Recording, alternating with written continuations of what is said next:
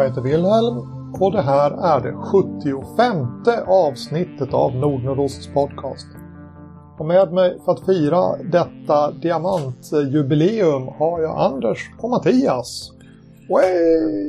Tjoho! Men alltså 75. Ja. Är det, är det verkligen diamant? ja, det är lite olika beroende på var man är i världen. Sådär. Jaha. Och, och det är ju typ för bröllop då. Eh, Ja, det- kanske en lite större bedrift. Gift med podcasten. Jag, jag trodde alltid det var jämna tiotal, men det kanske är fel då. Ja, när man, när man har kommit upp bortom 50 där så tar man varje chans man kan få. Så. Ja, coolt. Finns det inte för första åren också? Ja. Ja, jag tror det. Detta går att googla. Det gör vi finns inte. en fin artikel på Wikipedia. Eh, vi är tillbaka. Dels har vi inte spelat in och dels har vår fantastiskt billiga och därmed prisvärda eh, hostinglösning skickat mig på lite äventyr nu under sommaren. Men nu är det igång igen. Jag sitter med eh, samma inspelningskit som jag hade i eh, somras ute i vildmarken därför att jag har fått plocka ner min studio för att nu bygga ett eh, hemmakontor. Använder du samma setup när du spelar online? Alltså det vill säga när du spelar med din eh, online-spelgrupp? Ja, jo, det kör jag också. Eh, vildmarkskittet. Just det. Coolt. Det är coolt. Det är tillräckligt bra. Det, det kunde vi haft som en eh, typ ett värdeord i podcasten tycker jag. Tillräckligt bra. Tillräckligt bra. TMIs Norrland, tillräckligt bra. Exakt. Ja, jag vet inte.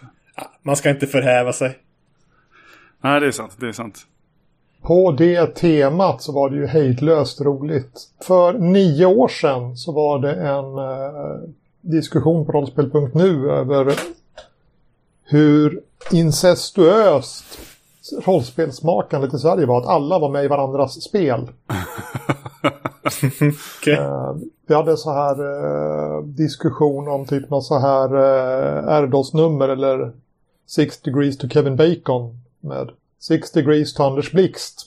Mm. Där hypotesen var att alla rollspelare som hade skrivit någonting inte var mer än tre steg bort från Anders Blixt.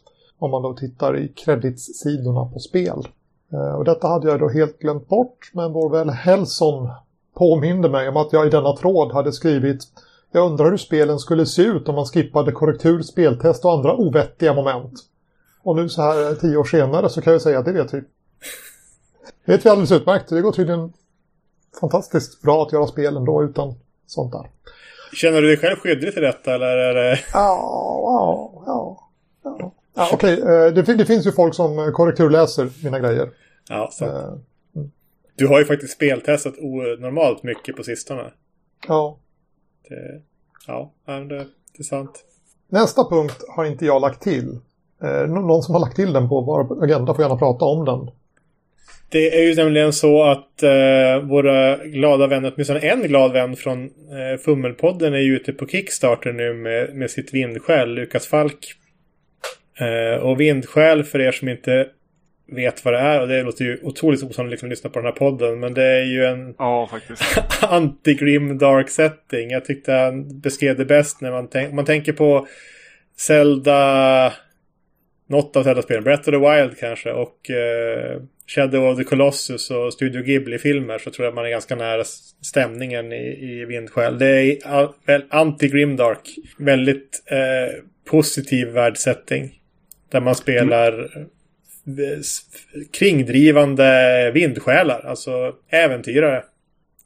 Som eh, löser problem i det här eh, klan och stamsamhället då. Där, eh, där kön inte spelar någon större roll. Min, eh, min fråga till eh, Lukas var till hur många procent pitchen Studio Ghibli gör Numenera passade. Och han säger ungefär 73,58.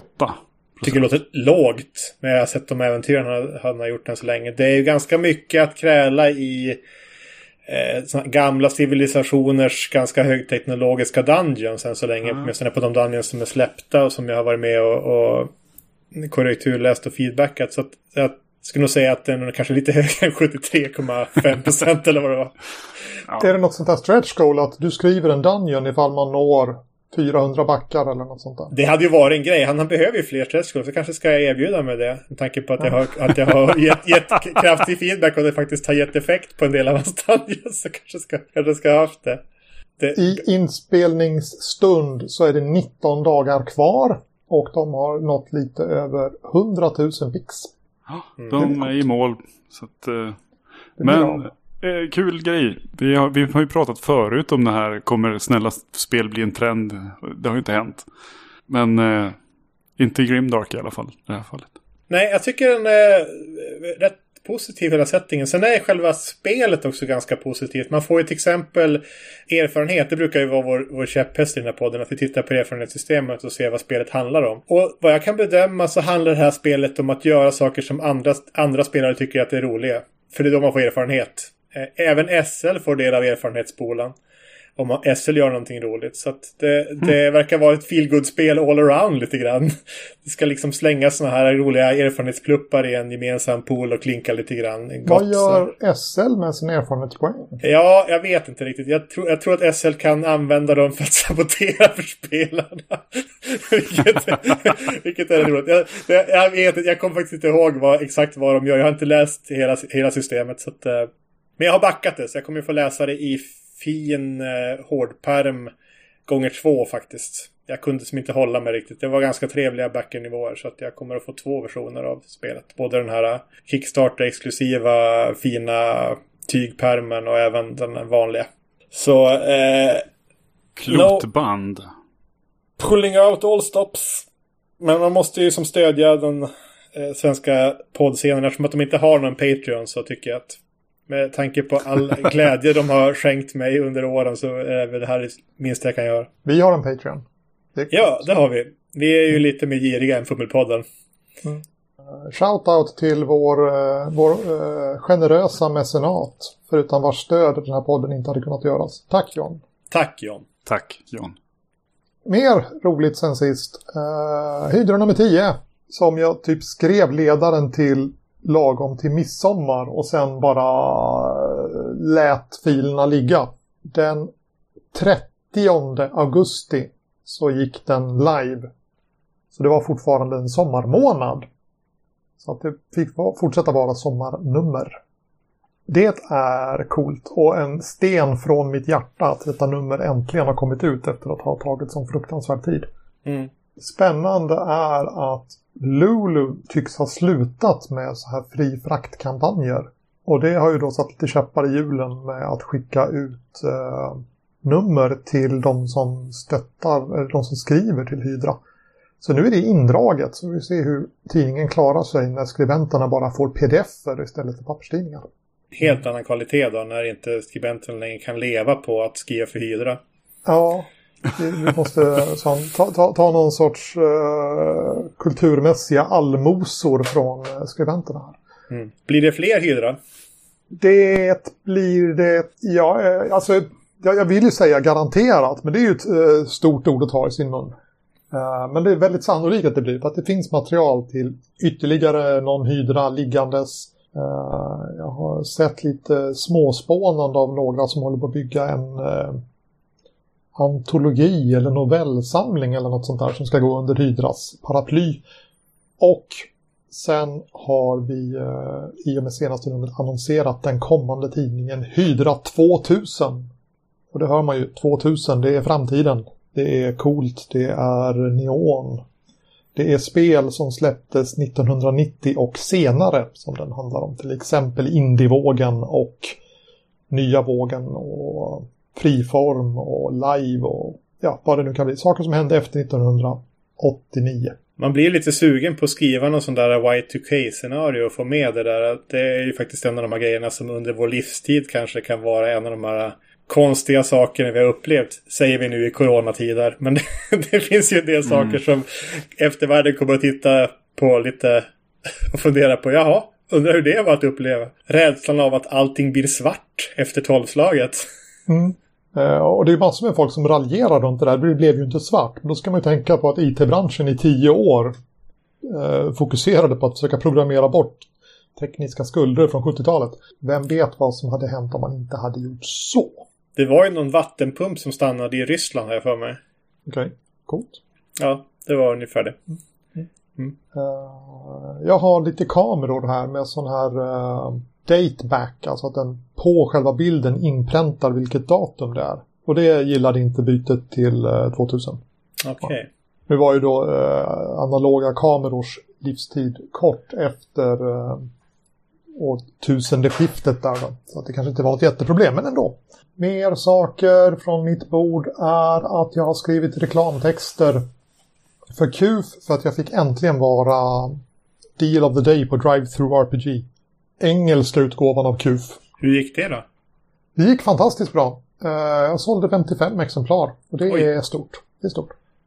Eh, och det är lite, lite roligt sådär därför att man ser eh, om man tittar i analysen efteråt då så ser man, jag, postade själv en liten blurb på den här gruppen på Facebook som heter OSR RPG. Och då är det som en ström av folk som har gått in och köpt. Och många av dem har också köpt bundlen med Wilhelm Skains spel på engelska, något indiespel. Eh, och sen, typ 12 timmar senare så tog eh, Tenkars Tavern, alltså Erik Tenkar, han som kör Tenkars Tavern, podcasten och bloggen och fan hans moster, eh, upp det och skrev om det på sin blogg. Och därefter så är det som en ström av folk som går in och köper, men de köper bara OSR-grejen, alltså ah, okay. KUF. Mm.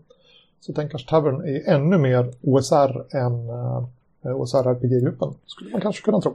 Så det rollspelsmiljonen är uppfylld då eller? Ja, det är kanske ett färgomslag Oj. till något spel sådär. Ja, nu, måste, nu måste pengarna spenderas här så vi inte nu måste tjänar pengarna spenderas. Jag har uh, lite drygt tre månader på mig att trolla bort pengarna här. Så jag får väl hitta någon illustratör eller något sånt där. Du brukar vara duktig på att sänka iväg de där pengarna. Affärssinnet är enormt. Men det var ju lite stort att, att Tänkars Tavern tar upp det va?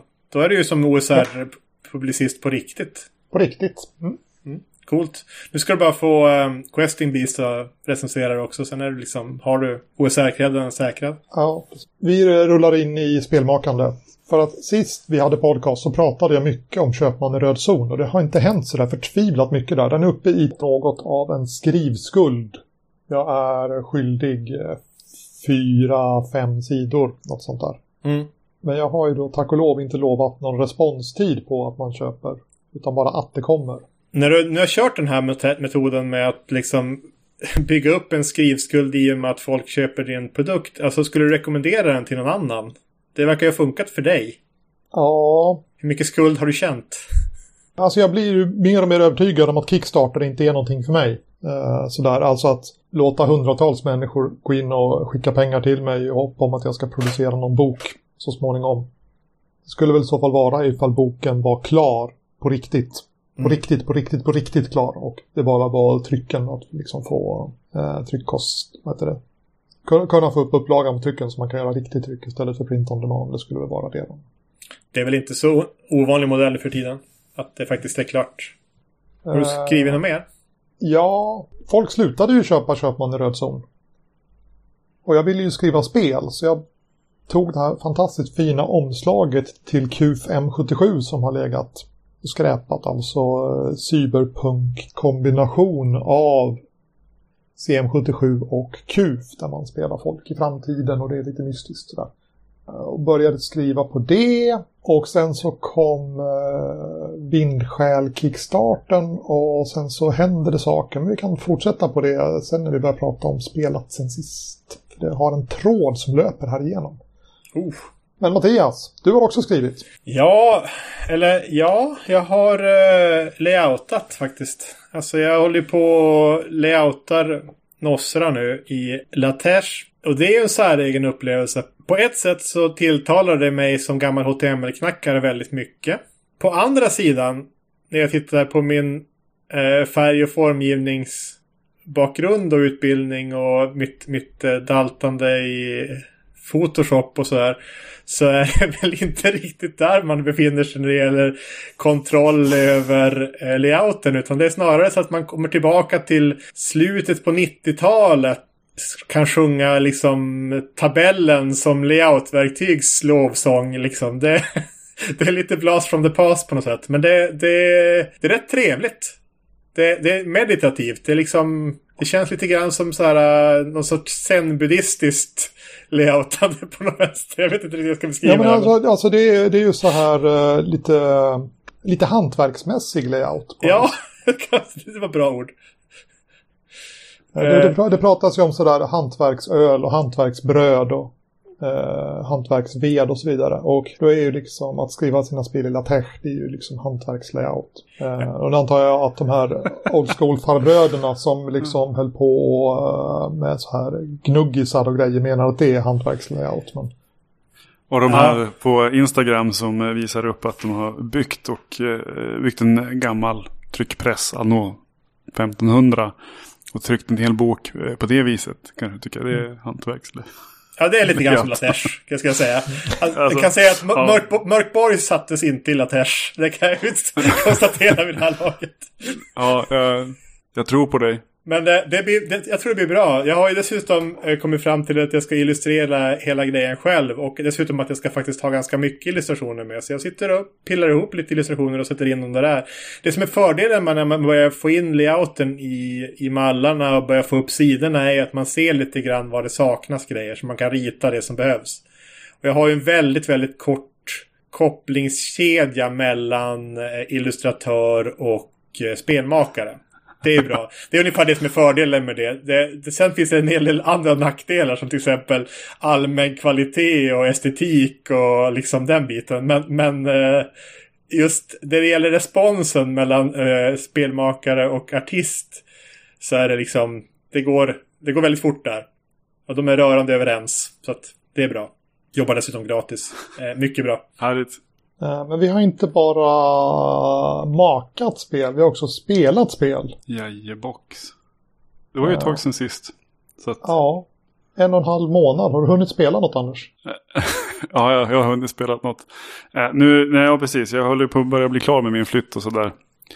Så nu börjar ju folk dra lite grann i, igen och komma igång. Så att jag har spelat i både dd kampanjen och Warhammer-kampanjen och Mouseguard-kampanjen som jag är med i. Eh, helt plötsligt börjar det se mycket ut när jag skriver ner dem allihopa. Det är D&D online, eh, Warhammer online eh, och eh, Mouseguard vid bord. Eh, och idag var jag och spelade tredje spelmötet Flodskörden. Så det blev väl inte en one-shot, det blev väl en liten kampanj det också då som har börjat. Eh, första gången jag spelade eh, något av de här Year Zero, eh, fria ligan-spelen, liksom den motorn i någon större omständig utfattning. Sådär. Vad tycker du om då? Jag tycker att... Eh, jag, fattar, jag fattar grejen varför, varför den här gruppen har det spelet, höll jag på att säga. Vi har en spelledare som är ny på spelleda, men eh, tycker om det, här göttiga, dryga, jobbiga dramat. Så det passar ju bra för oss att man är lite äldre och kan ha lite, lite knorrigare eh, intriger med varandra. Eh, det var på, på förslag att vi skulle ta varselklotet eller flodskörden. Och då, då gick det mot flodskörden då. Mm. Så att eh, till exempel då kan vi väl säga att min rollperson Lars då har ju idag eh, på spelmötet eh, träffat sitt barn för första gången. Och, eh, den lilla gossen Linus är ett år gammal redan.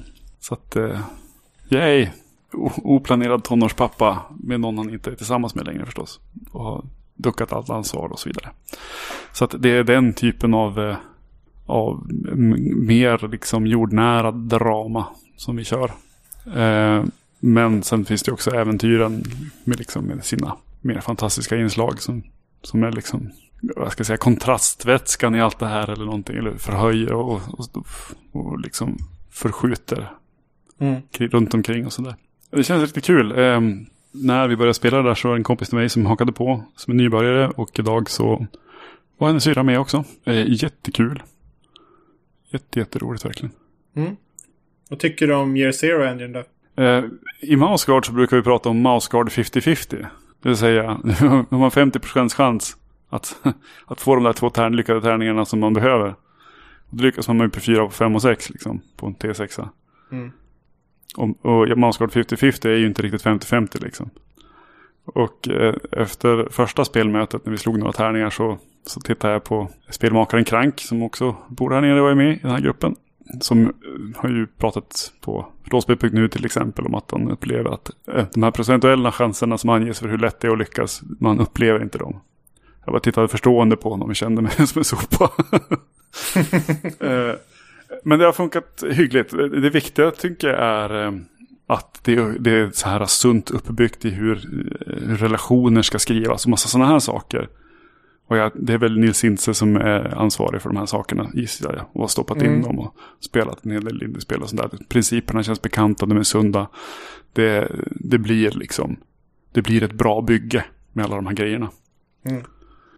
Som exempel eh, så är ju min rollperson har ju det som haft, haft det som skam då, att jag har ett barn som jag inte tar hand om. Och jag har problemet att mina föräldrar är alkoholister liksom gör min vardag jobbigare. Jag har basically inte haft någon interaktion med dem i någon scen alls för att jag har undvikit mina föräldrar. Happy eh, feel good. Ja, spel. verkligen, eller hur? Eh, och sådär. Och så flera grejer känns lite halvt close to home. Eh, vi, fick, vi fick färdiga rollpersoner faktiskt. För vi tänkte att vi skulle spela one shot.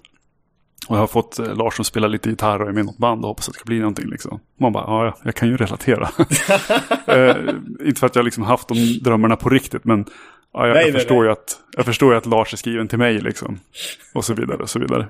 Är det eh. det här eh, onda okult-tricket att man ska ha en rollperson som är tillräckligt lik en själv för att eh, det ska kännas? Ja, jag tänker att, jag vet, jag vet inte om det där finns med i spelets tricks och, sådär. Men jag tänker att eh, våran, våran spelledare har definitivt dragit mm. nytta av det där.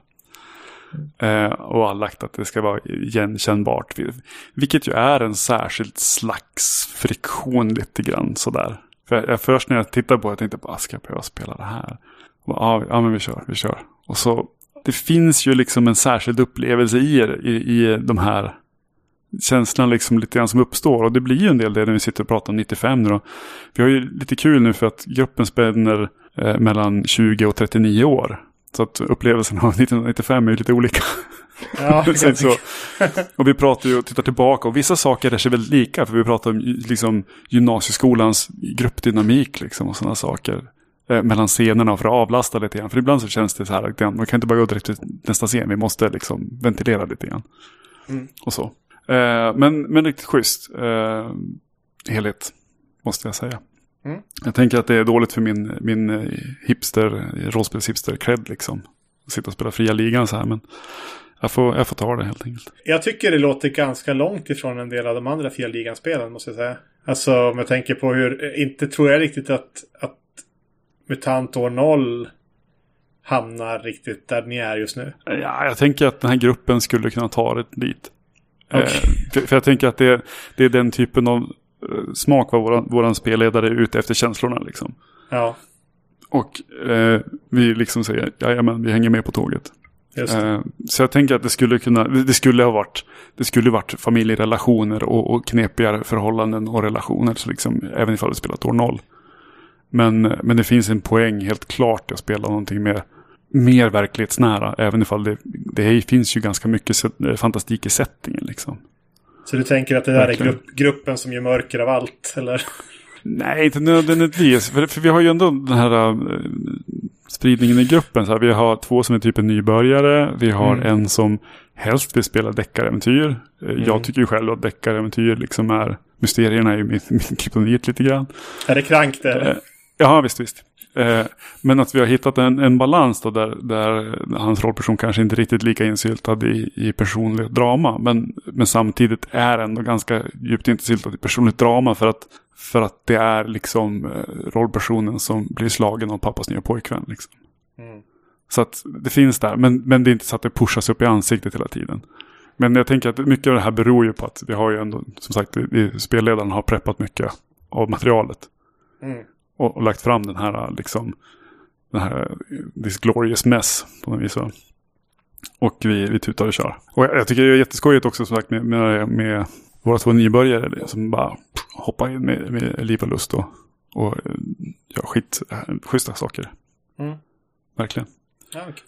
Så very nice. Um, jag har spelat lite lösa små saker också. Jag har spelat Trophy eh, via Discord. Det är ett spel som bygger på idén av Symbarum lite grann. Fast man blir så en one shot där man går rakt ner i fördärvet. Ungefär. In i den mörka konstiga skogen och blir förvriden liksom ungefär. Som är byggt på Cthulhu Dark och med lite, ja, antagligen Powered by the Apocalypse-principer tror jag. Det är lite ihopbakat. Det finns, en, eh, det finns ett så här system reference dokument på hemsidan. Som jag tycker man kan kika på om man är nyfiken. För det är ett sånt här eh, väldigt lättviktigt spel där man slår ett par tärningar och är det ingen som är över tre så då gick det åt skogen. Och, eh, ju högre någon lyckad tärning är desto bättre har det gått. Man har inte någon massa siffror att hålla reda på utan skriver på om man har någon skill och sånt där. Det spelet har ju ett eh, kusinspel i Trophy Gold. Ja, precis. Vad det heter. Som är samma spel fast med kampanjstöd. Jag har hört det där nämnas lite grann av OSR-spelare. Lite olika varianter. Alltså det, det... Har det något drag åt det hållet? Förutom eh, kanske dödligheten då? Det känns ju som att det är nästan närmare story games. Ja, det, ja visst. Det, det, är ju... Jag skulle säga att Cthulhu Dark som det är skrivet är ju, är ju någon sorts neotrad eh, ja. superdistillat som, som går ut på att eh, på minsta möjliga yta ersätta att spela Call of Cthulhu liksom. Eh, men Trophy gör en mer stormy gaming grej. Det är tydligare vad det går ut på, liksom Trophy Dark, att, att det ska vara det här nedgången i fördärvet. Och Trophy Gold tror jag då är skrivet som sagt som säger, mer, mer med någon sorts klassisk fantasy eh, rollspelsgrej. Jag har inte kikat på det så jag vet inte riktigt mm. Eh, hur det ser ut. Men, men det är ju väldigt lättviktigt. Det är kanske mer att titta på det som ett superlättviktigt alternativ till typ Dungeon World kanske. Eller någonting. Det blir nästan som att de här murder hobosarna får någon sort måste hantera konsekvenserna av sitt agerande på något vänster. Och vad det faktiskt ja, gör med det. deras psyken. Eh, ja, men det har varit... Eh, jag har spelat eh, en sista grej som jag kan nämna också. Det är del tre av Plommonkrönikan. Det är ju en, en äventyrssvit som Simon Pettersson, Genesis, Svarta av Karl, författaren alltså, håller på att göra genom, genom liksom Kinas historia typ. Och eh, minns jag nu rätt så var vi ju i Kanton i slutet av 1800-talet. Och eh, spelade en familj som har ett tehus. Eh, patriarken eh, ligger i eh, sjuksäng. Kanske dör han när som helst. Den förlorade sonen kommer hem, haft stora planer på att bli någonting häftigt men inte blivit det. Och inte setts till på tio år liksom.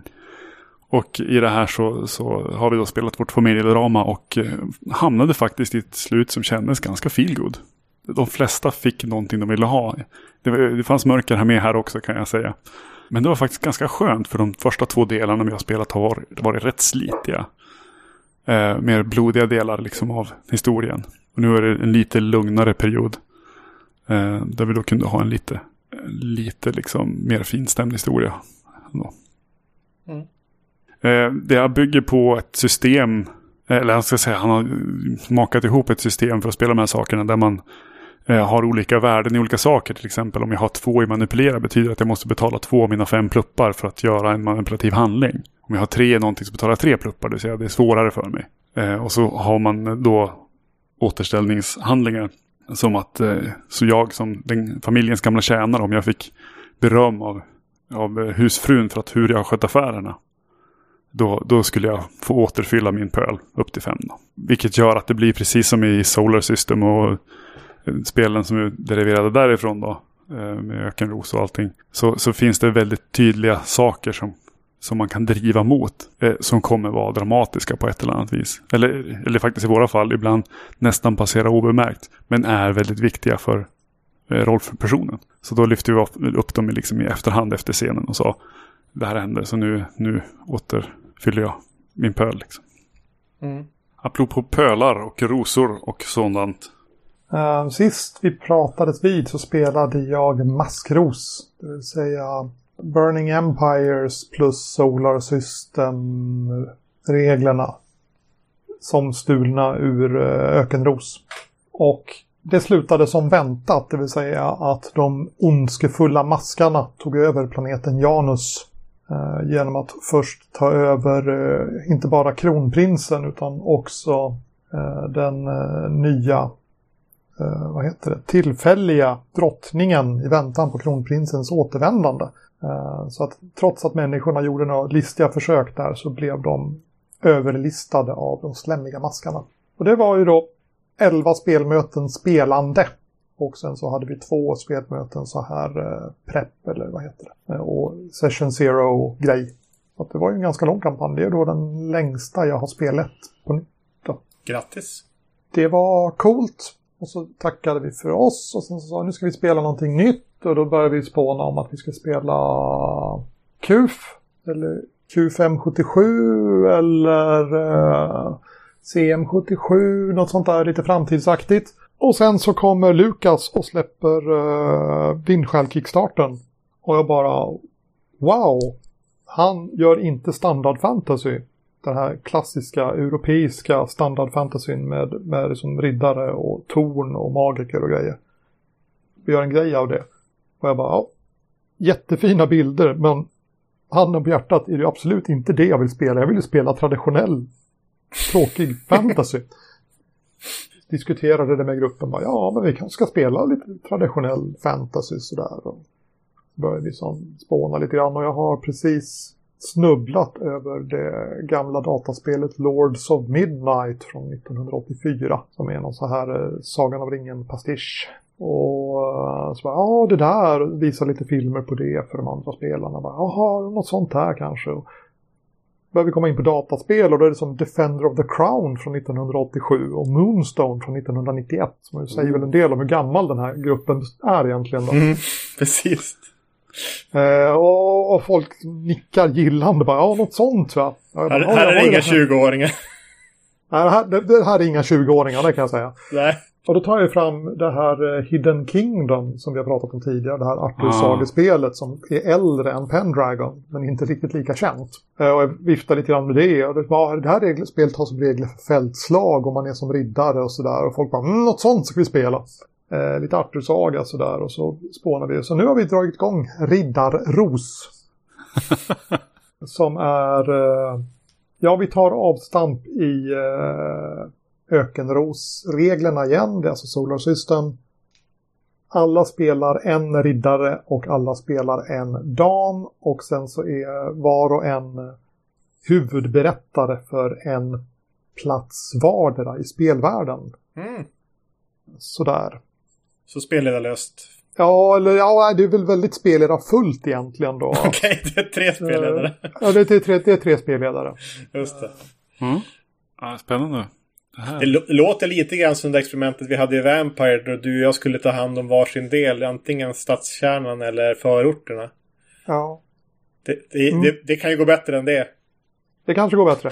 Eh, men vi har ju haft eh, en fantastisk uthållighet i, i den här gruppen. Sagt, det är ju samma som har spelat eh, Maskros 11 spelmöten när vi kör digitalt över, över internet. Mm. Så jag har goda förhoppningar då om att det ska eh, bli någonting bra av det här.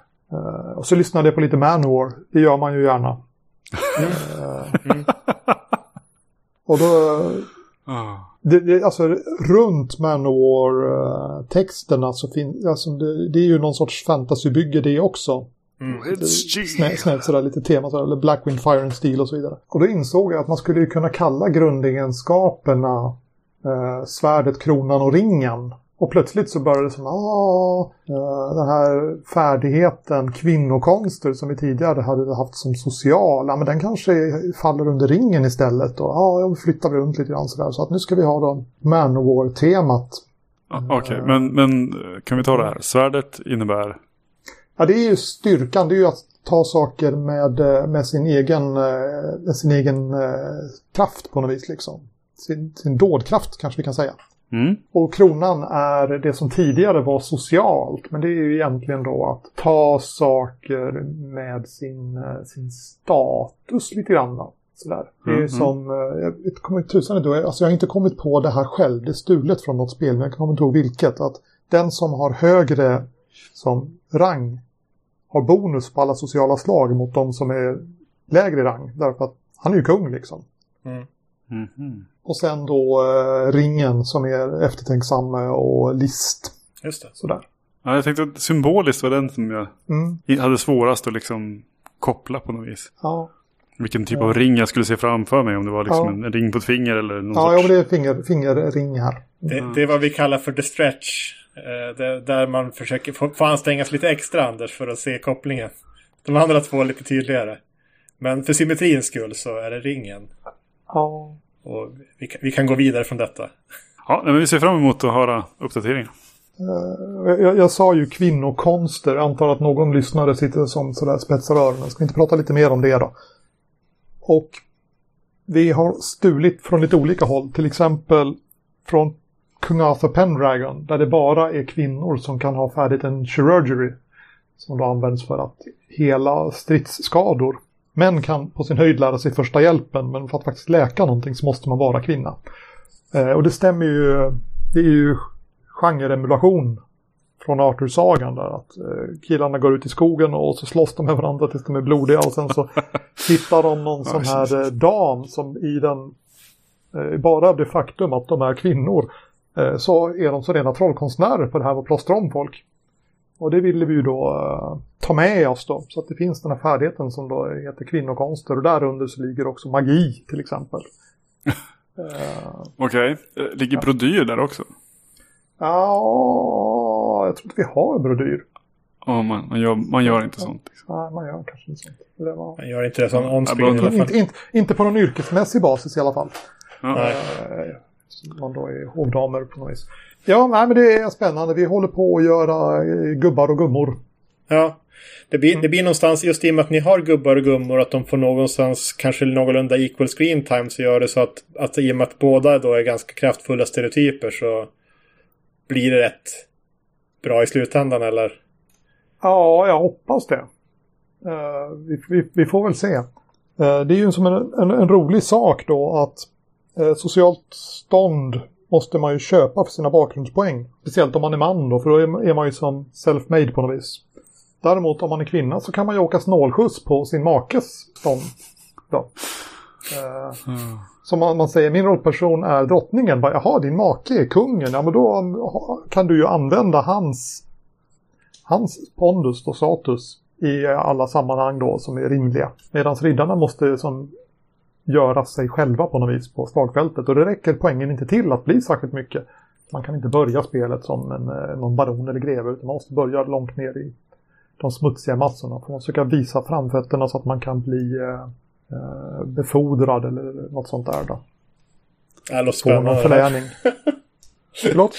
Det låter spännande det här. Det ska bli spännande att se vad ni får ut av det här. Alltså vad det blir Ja. i slutändan. Eh, jag Ja. tror inte ni riktigt kanske vet det själva än. Nej, det är... Alltså vi är väl in oss, oss in i det här som med samma premiss som i Maskro. Så att vi provar några spelmöten och ser om vi tycker det är roligt. Ja.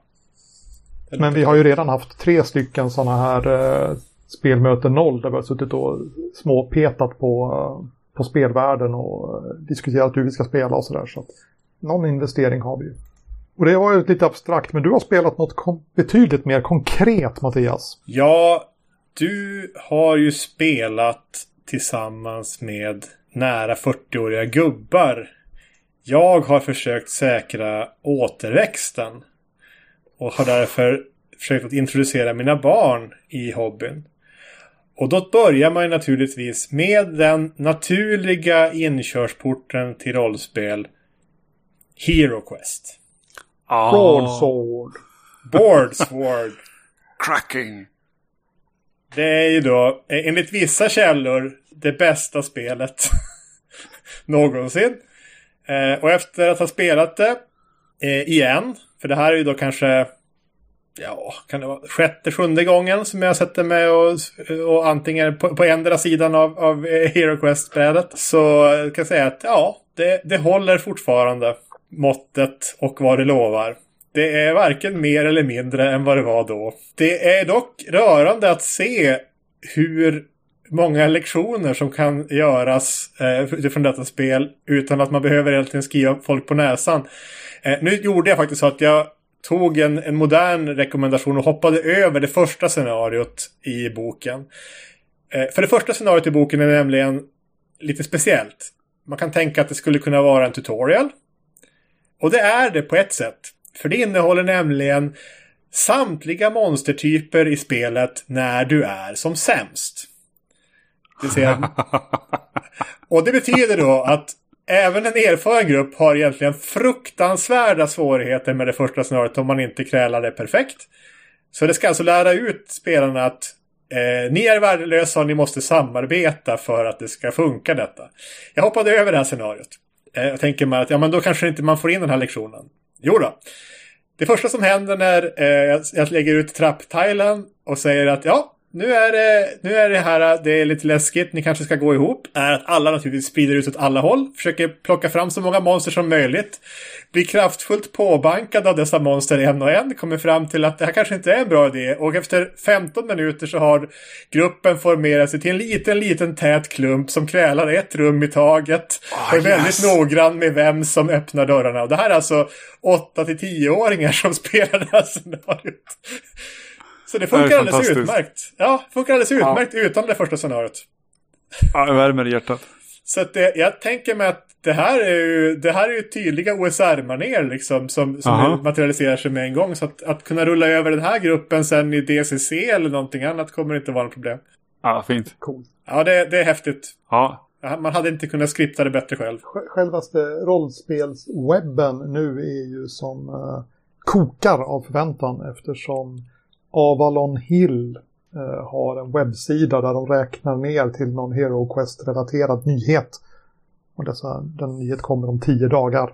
Mm. Och det spekuleras ju vilt i att det ska vara en, eh, en ny utgåva av det klassiska brädspelet. Det är väl ganska sannolikt. Jag tror att jag såg lite grann av spekulationerna. Det finns ju något företag som plockar upp sådana här äh, gamla klassiker och gör nya versioner av det. Det var väl det som spekulerade att det var det som skulle hända här också. Att de har kontrakterat det företaget för att göra en ny version. Dock kan man ju säga att en av usparna när det gäller att spela med eh, barn i Sverige är ju faktiskt att HeroQuest är på svenska. Så vi får se hur länge det tar innan den här Avalon Hill-versionen faktiskt blir på svenska eller om man måste översätta den själv.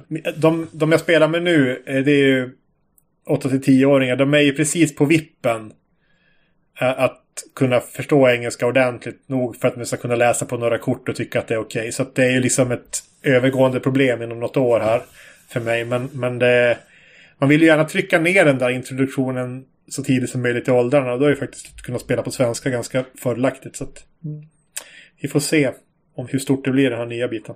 Men det är ju bra. Det var ju inte superbilligt att scora ett Hero Quest i någorlunda skick för att kunna spela med barnen om vi säger så. så att, Jaha, är det den vägen då gått? ja, det var väl 1100 tror jag fick dra, ge för detta nöje. Så att, Ja, plus ja. frakt. Så att ja, det... det Ja. Jag, jag vet inte. Ja, men jag, ändå. jag, jag betalade ju en tusenlapp för uh, Space Hulk innan nyutgåvan kom. Ja. Eh, alltså på Gothcon-auktionen och fick ju applåder för detta. Det. Eh, och sen så kom det ju då en nyutgåva och den kostade en tusenlapp. Så att, Ja. Har man inte varit på auktionen kan man ju säga att applåder brukar ju ges ofta för dåliga köp eller Ja. verkliga överpriser. Mm.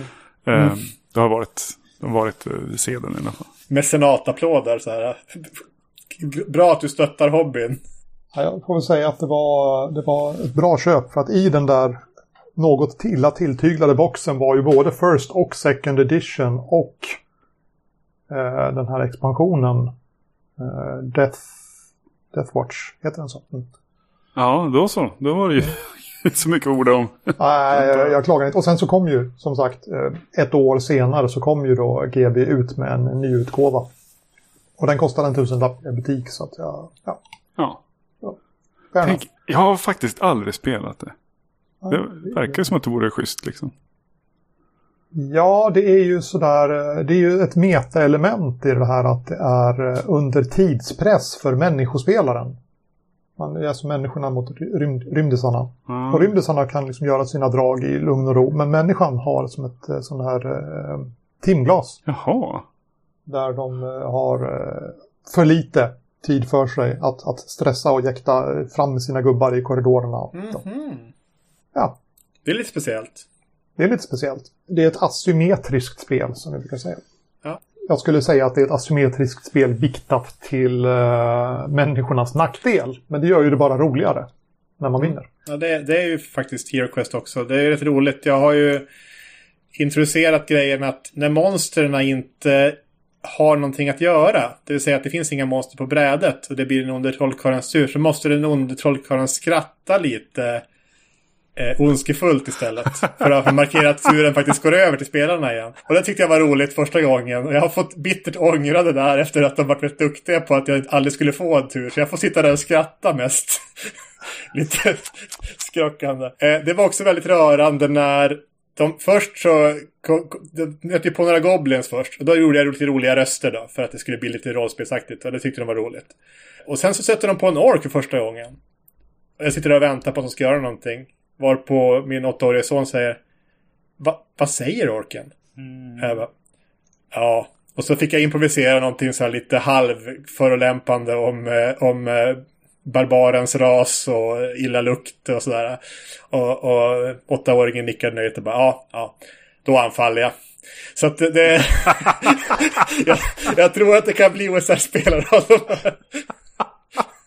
Ja, nu ska vi bara fixa eh, coronaskiten och så, så ses vi på Grottröj, höll jag på att säga. Ja, precis. Men alltså det är väl Grottröj just nu va? Det är Grottröj idag. Internetröj. Ja, jag har stängt ner Discord så jag vet inte riktigt hur många som sitter och spelar. Jag tror att det var bara en grupp kanske nu på eftermiddagen. Eh, men det var flera på grupper på, på första passet. Men det är faktiskt en jättebra idé. Jag ska fylla familjebussen med, med liksom hela, hela gänget där och ta med mig en full spelgrupp ner och bara sätta dem framför Björn eller någon och så får han köra, köra någonting med dem. Han kommer tycka det är skitkul. Ja, ja det hade det... varit fantastiskt. Det, det är sådana här coronadrömmar man har. Vi, vi närmar oss timmesträcket eh, i den oredigerade inspelningen. Men vi har ju faktiskt eh, ett ämne också, eller två ämnen. Vi får se hur långt vi hinner med det. Ska vi prata lite grann om regeltunga spel? Ja, det har varit en diskussion som pågår just nu på, på rollspel.nu. Och det är en, en tanke som jag, vi har sett på flera ställen på senare år, tycker jag nog. Det här med folk som tycker om, tycker om regeltunga spel. Och då, med regeltunga spel då pratar vi alltså, alltså E.ON och eh, Rollmaster kanske till exempel. Eh, och tycker att trenden, ja precis västern, tycker att trenden mot eh, lättviktigt och eh, slimmat inte erbjuder dem någonting helt enkelt. Och eh, frågan är ju, är regeltunga spel döda? Mm. Mm. Ja, då tackar vi för oss ikväll. Uh, så... nej, äh, säg nej bara. Och så... Jag ser att någon har skrivit upp lite, lite Kickstarter-statistik här till ja. exempel. Ja, alltså jag, jag, jag tillhör väl lägret som säger att de tunga spelen inte är döda även om de har lite uppförsbacke. Uh, och då tänkte jag till exempel på det här Against the Dark Master som vi pratade om för ett, ett år sedan kanske i podcasten. Det var de som hade ett spännande spel med en ful spelledarskärm och därför mm. jag inte backade. Eh, 625 personer backade däremot och de drog in 33 000 dollars. Det är ju inte någon jätteförmögenhet men det kom, blev ju ett spel i alla fall. Och samtidigt så håller ju då Iron Crown Enterprises på och putsar på sin uh, nyutgåva av Rollmaster. Mm. Uh, och det får väl, i alla fall i tidigare versioner har det ju varit själva ikonen av det regeltunga spelet. Mm. Ja, det är väl det och Phoenix Command som uh, ja. nämns men som inte, jag tror inte särskilt många har provat. jag tror fler har spelat Rollmaster än Phoenix Command i alla fall man förenklade ju ner Roadmaster i eh, Sagan om ringen rollspelet. Eller MERP som det heter på engelska. Och jag får väl säga att jag tycker inte att det är så himla blodigt egentligen. Det, det finns ju spel som går in för att göra det krångligt med flit liksom. Eh, med massor med underliga subsystem och eh, olika regler för olika sätt så, för olika saker man vill göra. Sådär. Men, men Rollmaster är ju ändå ganska rent på det viset att det är samma. Ja, det är en lite, lite, lite stökig regelmotor i botten sådär. Men, men den är i alla fall konsekvent. Tycker du det? Mm, ja, det tycker jag.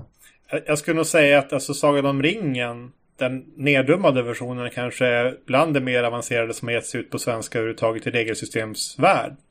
Tror du ja, inte det? Ja, jo, men det är det. Men jag tycker inte att det är så himla krångligt ändå. Alltså jag kan ju tänka mig att folk som illasinnat sitter och skriver komplicerade regler. Ehm.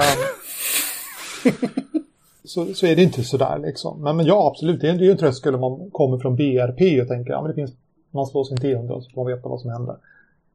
Uh, men jag tycker inte då att de är döda. Däremot slåss de i uppförsbacke. Det gör de ju. Ja, absolut. Eh, men alltså uppförsbacken, eller på att säga, det, jag, jag, får väl erkänna för mig själv att någonstans så ligger jag just nu och, och känner att, att eh, ett spel på under 100 sidor, gärna i ett mindre format än A4, är liksom det som jag triggas mest av. Bara, det, här, det här verkar gött. Det är också uppförsbacke. Det är ju eh, de, de tjocka och fina böckernas tid. Sen finns det ju många andra spel också. Som faller mig mer i smaken till exempel. Eh, så det är ju inte bara slimmat.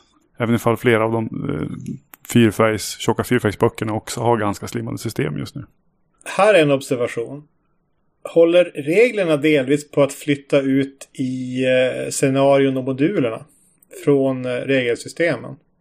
Jag, jag, märker det själv nämligen nu när jag sitter till exempel och skriver Nossra. Jag märker att en del saker är lättare att förklara för en eventuell spelledare och hjälpa oss vägleda en eventuell spelledare genom att göra ett system för det. Alltså till exempel att göra en tabell för någonting eller att göra en regel för någonting. Alltså räkna, räkna med sådana här poäng en liten stund för att se hur mycket strålning det är till exempel eller någonting liknande. Är det bara jag som tänker så? För jag tycker att jag ser en del av de här tendenserna i andra moduler som jag har köpt, framförallt inom OSR-svängen. Att det, det blir mindre brödtext och mer system av det. Jag vet inte vad jag ska säga. Jag, jag, läser inte moduler så att jag vet inte vad som finns i dem egentligen. Jag har inte kollat så mycket på det heller men jag tänker att eh, åtminstone i OSR-svängen så så känns det ganska rimligt. Eh, alla spel behöver inte ha liksom strål, strålskydd, eller säga, strålnings och såna regler och sånt där. Det är klart, eh, är det någon sorts spin-off på, på Gamma World eh, eh mutantstuket sådär, då kommer det ju finnas för att det har genren på något vis. Men skriver man ett sånt äventyr till något spel som är mycket lättviktigare, men ska jag rikta mitt scenario mot, mot något som är byggt på Knave liksom så, här, så kanske det behövs. Och då lägger man in specialgrejen där det är. Jag, vet inte, jag tycker det har, väl, det har väl varit en tradition den fåran ganska länge antagligen. För det som jag tycker att en regel gör är ju att den tar ju bort bestämmande ansvaret från spelledaren lite grann. Att om det finns en regel så tolkar ju spelledaren regeln snarare än att spelledaren är regel och tolkningen. Alltså typ som ett exempel. Det finns ju, jag kommer inte ihåg vad det är för modul nu, men eh, jag ser Blood in the Chocolate till exempel till Lamentation of the Flame Princess. Där finns det en regel för som säger var är ärkeskurken just nu? Normalt sett så kanske det hade varit någonting som spelledaren godtyckligt kunde bestämma att ja men nu passar det rätt bra. Ärkeskurken befinner sig i rummet där spelarna är nu. Men nu finns det istället en regel som säger att ja men vid vissa tidpunkter så befinner sig ärkeskurken här. Annars befinner den sig här. Den kan vara bland de här olika, olika platserna. Slå en tärning och så vidare. Så att det gör ju att spelledaren inte kan riktigt längre bestämma över den biten. Alltså så finns det ett system som gör det istället. Det är ju lite grann samma sak där fast med kanske resolutionsmekanik och sådana saker som vi tänker att ett, ett, ett, ett regelsystem liksom ska täcka in. Eh, regellätta spel har väldigt simplifierad eh, resolutionsmekanik oftast. Eh, regeltunga spel nyanserar och differentierar olika typer av system för olika typer av resolution ofta. Det, visst är det lite grann det vi pratar om också när det gäller tyngden. Att det är, att det är på den, den eh, ledden man ökar komplexiteten. Separat magisystem till exempel från mm. övriga färdigheter och så vidare. Ja, kanske. Det är en observation. Jag säger inte att det, att det är nödvändigtvis så. Men jag har sett det i alla fall inom OSR-genren. Och OSR-genren är ju lite grann sugen på att kodifiera mycket av de här bitarna. Just för att kunna sätta spelledaren som den här uh, oberoende domaren. Så att inte spelledaren i onödan ska påverka händelseflödet på ett för spelet orättvist sätt. Ja. Antingen till spelarnas fördel eller till nackdel så att säga. Utan att det är, eller han eller hon är bara där för att Eh, hjälpa spelet framåt så att säga. Och se till att fylla i luckorna där, där det inte är. Men det ska alltså inte vara så mycket luckor egentligen om det är regelrätt OSR-upplevelse längre. Jag tänker att det finns några olika saker det kan hänga ihop med. En sak är ju som sagt den här den moderna OSR-fåran på något vis. Den, den, som man kikar på som kanske upplevs som att den knuffar till nya ställen är ju de här slimmade spelen. Där, där inte specialfallsreglerna finns med som sagt. Eh, det finns också den här eh, trenden och traditionen av att bygga saker, bygga verktyg så att säga. Istället Mm. för att ha Istället för att ha lång brödtext om hur någonting funkar och sådär. Precis. Eh, Så, så precis de grejerna, absolut. Nej men det stämmer ju där tänker jag. Eh, Men jag vet inte tusan hur det, hur det ser ut eh, i spel som traditionellt har varit ganska tunga. Jag tänker, om jag tänker, tänker på E.ON liksom. Den fjärde versionen har ju en del valt bort. För att de tycker att det har blivit för slimmat. Att det har gjort dem för mycket till exempel. Mm. Eh, Jag har inte spelat det själv. Jag har tänkt att jag skulle nog vilja testa det åtminstone. Men det, det är ingenting jag kommer att styra upp eh, på egen hand så att säga. Utan det är när tillfälle ges. Och eh, frågan är ju hur äventyren ser ut till det tänker jag. Där kommer ju antagligen inte finnas massa specialregler kanske. Men det, det kan ju finnas det också. Man, för att man har en tradition av att gestalta saker på ett visst sätt. Liksom. Jag eh, sitter och tittar på Roll20. Och då lämnar vi ju Sverige på något vis för att ta ett amerikanskt perspektiv. Och de släpper ju då varje kvartal eh, en sån här rapport där de sammanställer vad folk spelar på deras sajt. Så det är ju frågan om hur eh, generellt det är. Eh, Alltså hur bra mätmått det är. Men, men på första plats har vi då Dungeons and Dragons 5th edition. Föga förvånande. Eh, 50%, sen 15% okategoriserat, 12% Call of Cthulhu. Call of Cthulhu kanske vi skulle säga är lätt, lätta regler då. Skulle vi? 49% Pathfinder.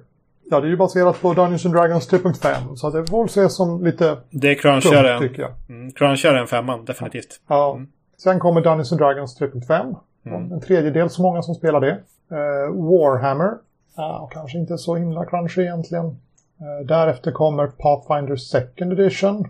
World of Darkness.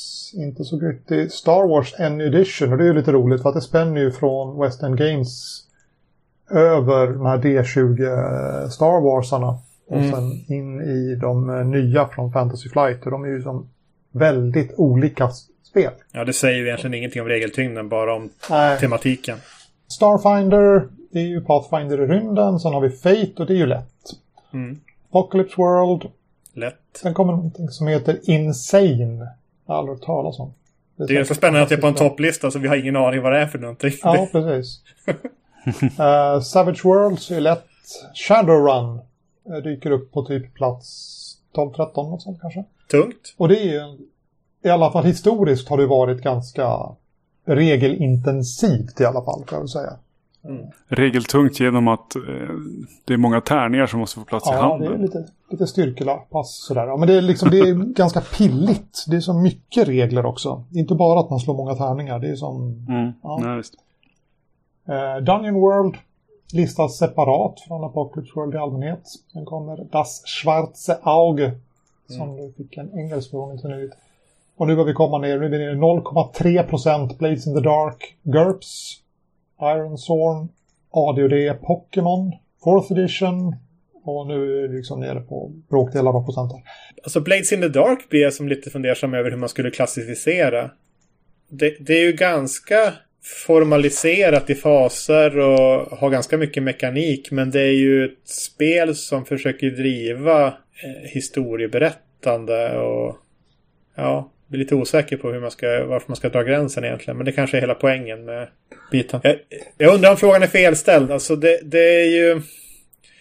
När man säger regeltunga spel någonstans så känns det lite grann som att en, en, ett spel har så många regler som det behöver ha för att ge den upplevelse den vill ge. Oavsett om det för att den var ute efter eller inte. Alltså ett, ett, ett, regel, ett spel med mycket regler blir ju ofrånkomligt styrt till att handla om det de reglerna försöker emulera. Om inte spelarna husreglar bort det de inte är intresserade av. Ja, jag, vet inte. Om vi backar. Det typiska regeltunga spelet försöker väl täcka allt. Så du ska kunna göra vad som helst. Och helt plötsligt så handlar det inte om någonting specifikt. Utan det är när vi sätter oss ner och ska skapa en, en kampanj eller köra ett äventyr. Som vi väljer. Och så är det en massa saker som är helt irrelevanta för det vi spelar. Men det har inte fått en riktning på vad det handlar om. Liksom. Jag tror inte det försöker täcka allt, men till exempel om du har, om du har eh, 18, 18 eh, kapitel stridsregler och e- ett kapitel annat så då tror jag du får en viss typ av spelupplevelse av det spelet. Det försöker inte täcka allt.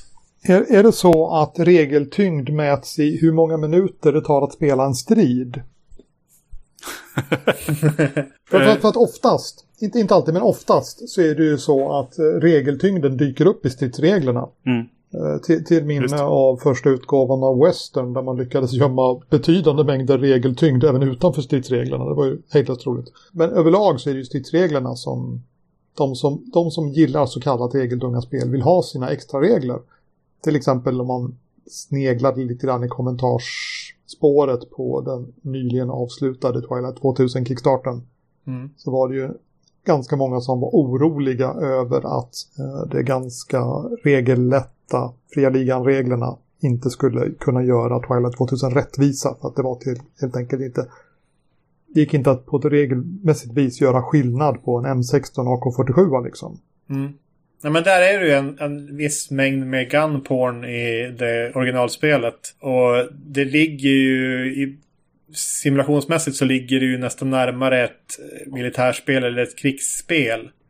Snarare än att reglerna har tonvikt på eh, de här stackars soldaternas psyke och hur det bryts ner när eh, de färdas genom Polen i jakt på att ta sig därifrån. Jag menar, det, det är ju det är där vikten ligger. Och är man ute efter den biten så är det väl ganska öppen fråga ifall det är det spelet man kommer att få när Kickstarten väl levereras. Men det beror ju på vad man tycker att det spelet handlar om.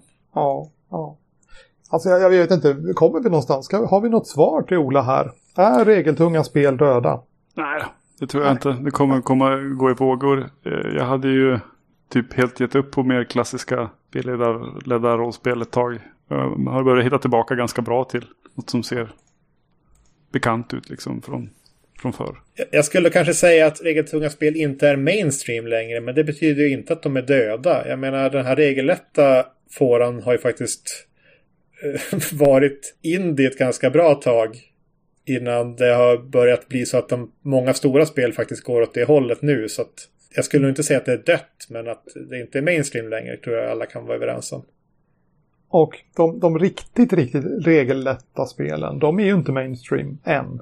Nej, så är det. Om, om, vi, om vi tittar till exempel på uh, nuvarande Guldgossarna, Fria Ligan, så är ju Year Zero Engine, ja den är ju ganska lätt, men det, det blir ändå liksom ganska stadiga böcker. Det är ändå ganska mycket substans i dem får man väl säga ändå. Den är väl i, i riktig linje med uh, Dungeons Dragons 5th edition. Vilket är ett steg tillbaka från 4th edition. Uh, är, är, de verkligen, är de verkligen paritet? Är det inte mer Dungeons Dragons?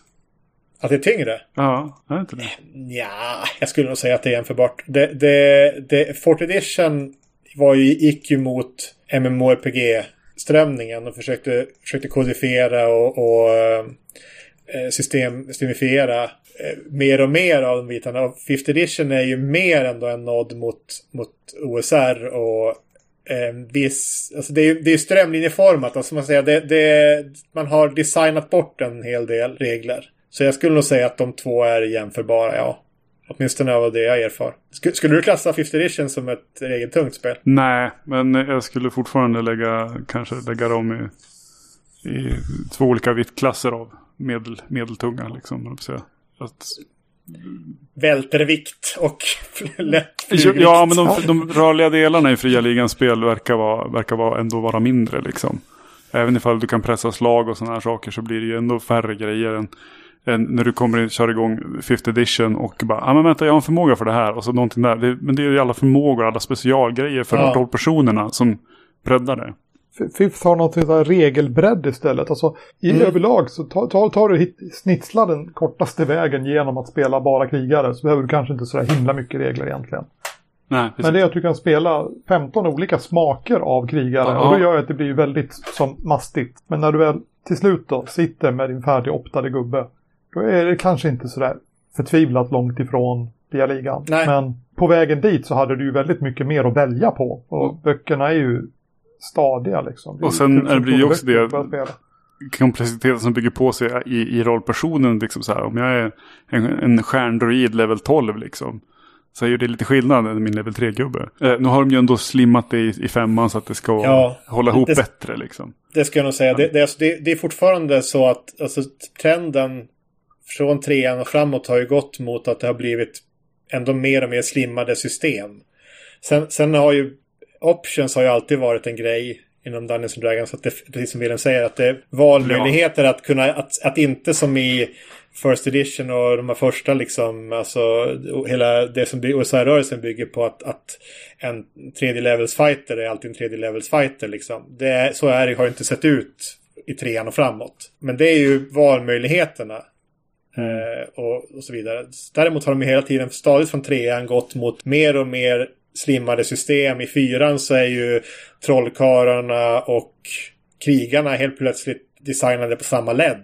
De gör ungefär samma sak. Alltså de har ju kodifierade förmågor och cooldowns och sådana saker. Som inte har varit en grej tidigare. Så att jag menar, det, det, där har det ju snarare gått mot enklare och enklare regler. Men bredden är ju lite grann vad de säljer på också. Det är en möjlighet att modellera din karaktär utifrån förmågor. Mm. Och det kanske inte riktigt finns, som du säger, i, i Air Zero i grunden.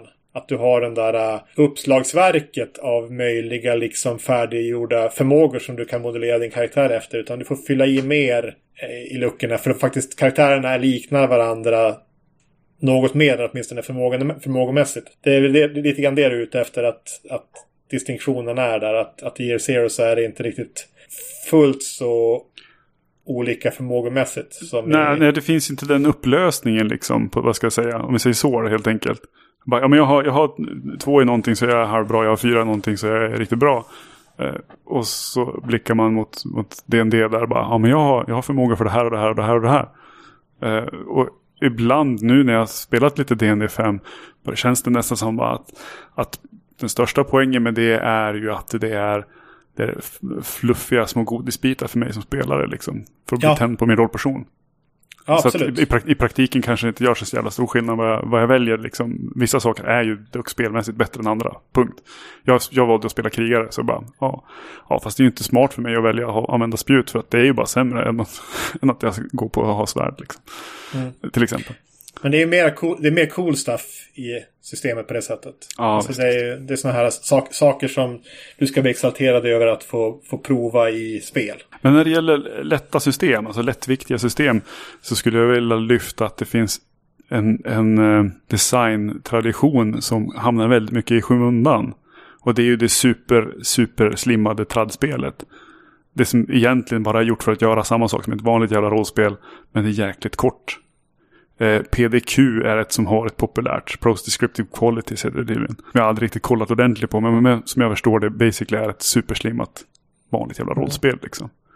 Eh, och ibland när jag hör liksom eh, kritiken mot lättviktiga rollspel så låter det mer som att de kanske pratar om sådana spel än om indie-typen story games som inte har särskilt mycket sådär. För de, är ju, ju, de har ju regler för väldigt annorlunda saker liksom. De Mm. gör väldigt olika grejer de här. Eh, Och jag har en tendens att, att i, en, i en dröm om ett lättviktigt men spel som ändå ser ganska traditionellt ut halka ner i den här eh, superslim trad eh, och fåran. Och vilket lätt kan resultera i ett spel som egentligen inte gör någonting. Du har ingen nytta av det. Liksom. Det, det, det, det, det tillför ingenting. Vilket är en poäng som många lyfter fram. Jag tycker inte det här ger någonting. Och i vissa spel, säg hjältarnas tid eller något sånt där. Då finns det tillräckligt mycket för att jag ska få tillbaka saker av spelet åtminstone. Det, det gör en annan sak. Det differentierar rollpersoner på ett visst sätt. Det går att, eh, det finns upplösning i för att det är procentfärdigheter som man kan bli bättre ett tag innan spelet bryter ihop och så vidare. Och den fåran tycker jag liksom som sagt blir, blir lite bortglömd på något sätt. Ofta. Ja, det kan jag hålla med om. Alltså jag, jag, jag återvänder till vår vän Ola här. Rollmaster. Under Q1 så ökade spelandet av det spelet med 450 procent. Oh.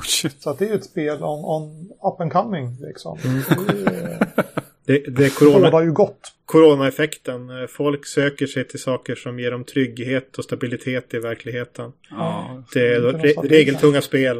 Eh, men ökat, eh, ökat nätstöd. Kan ju också vara ett sätt att Ja. eh, ta sig an eh, ett spel som kanske känns lite väl tunga i andra fall. Alltså, samtidigt känner jag lite grann sådär att det känns baklänges. Vad ska jag vilja att maskinen sköter allt det här om jag nu har valt ett spel som, som är lite att brottas med liksom.